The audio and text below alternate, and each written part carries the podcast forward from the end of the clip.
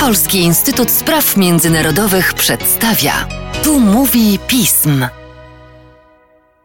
Tu mówi pism. Przy mikrofonie Mateusz Józwiak, a wraz ze mną nasz analityk oraz ekspert do spraw Francji Łukasz Maślanka. Cześć Łukaszu. Cześć. Spotykamy się w związku z dzisiejszym przemówieniem Emmanuela Macrona, inaugurującym francuską prezydencję. Wygłosił je na forum Parlamentu Europejskiego. A więc kilka słów o tym, w jakiej atmosferze przebiegało i co w nim ważnego zawarto. Łukaszu, zacznijmy może od tego, na czym polega specyfika gremium, jakim jest Parlament Europejski i czy w przemówieniu Macrona znalazły się elementy, które wcześniej były słabiej akcentowane. Zwracając się do Parlamentu Europejskiego, Macron nie zwraca się do państw członkowskich, tylko do reprezentantów poszczególnych wyborców.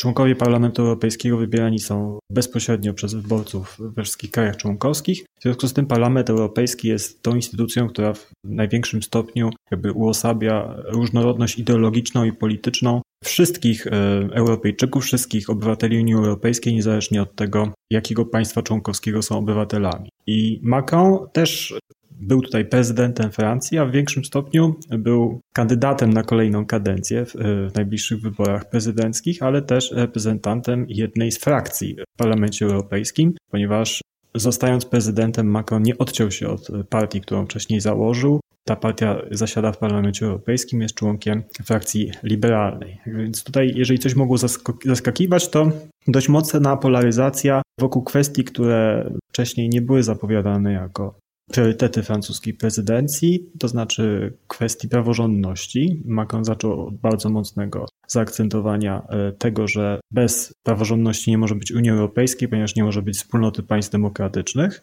I od kwestii obyczajowych. Tutaj Macron zaproponował na przykład, żeby do karty praw podstawowych e, zostało wpisane prawo do aborcji. No jest to jednoznaczna aluzja do liberalnego elektoratu wewnątrz Francji, ale także do wszystkich tych frakcji w Parlamencie Europejskim, dla których ta kwestia jest ważna. Ma to też związek ze wczorajszym wyborem na przewodniczącą Parlamentu Europejskiego osoby, która się aborcji sprzeciwia. Prezydent Francji zauważył, że sąsiedztwo Unii Europejskiej wstrząsane jest kryzysami, że z zewnątrz próbuje się wpływać na funkcjonowanie państw członkowskich i co ważne, wypowiedział się również na temat agresywnych działań Rosji. Co o tym wszystkim sądzić?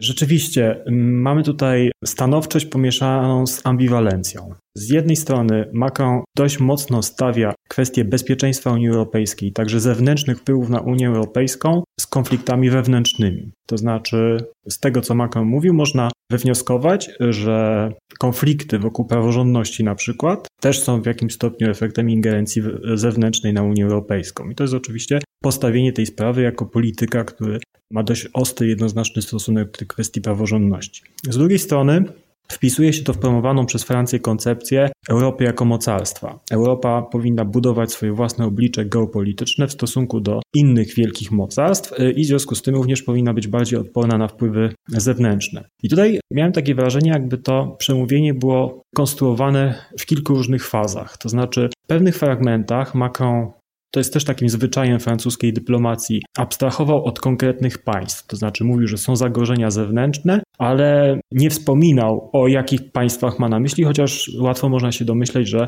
kiedy mówi na przykład o zagrożeniach związanych z gospodarką, to ma na myśli Chiny, a kiedy mówi o takich zagrożeniach na przykład związanych z, cyberatakami, to bardziej myśli o Rosji. Ale z kolei w innych fragmentach swojego przemówienia, być może napisanych już w ostatniej chwili, wyraźnie powiedział również o postępowaniu Rosji, skrytykował je, stwierdził, że Rosja sprzeniewierza się no, przede wszystkim postanowieniom Karty Narodów Zjednoczonych, ale także postanowieniom łączących ją ze światem zachodnim, z Stanami Zjednoczonymi, z NATO, traktatów zakazujących uciekania się do, si- e, do użycia siły, czy nawet do groźby użycia siły w rozwiązywaniu sporów międzynarodowych, ale zaraz potem i znowu jakbyśmy mieli na ten fragment przemówienia naklejony fragment jakiejś innej myśli, zaczął gwałtownie bronić swojej polityki dialogu z Rosją. Stwierdził, że nie ma żadnej alternatywy do przyjaznego i pokojowego współżycia pomiędzy Unią Europejską a Rosją i że będzie on dążył do tego, żeby jak najszybciej odtworzyć e, rozmowy w formacie normandzkim e, wokół konfliktu ukraińskiego.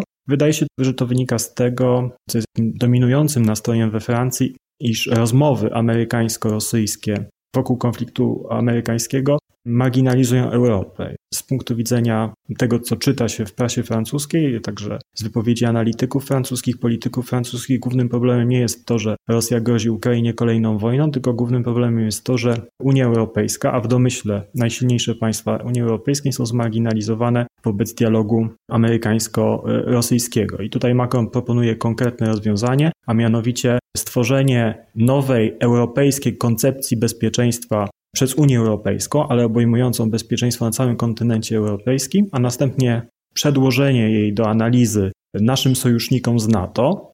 Tutaj Macron też tak korzysta z okazji, żeby wyraźnie podkreślić dychotomię pomiędzy Unią Europejską a NATO, że to nie są organizacje mające te same cele i skupiające w większości e, przecież te same państwa, tylko no, podkreślił jednak, że tutaj istnieje pewna różnica, a następnie przystąpienie do negocjowania tego nowego traktatu o bezpieczeństwie z Rosją.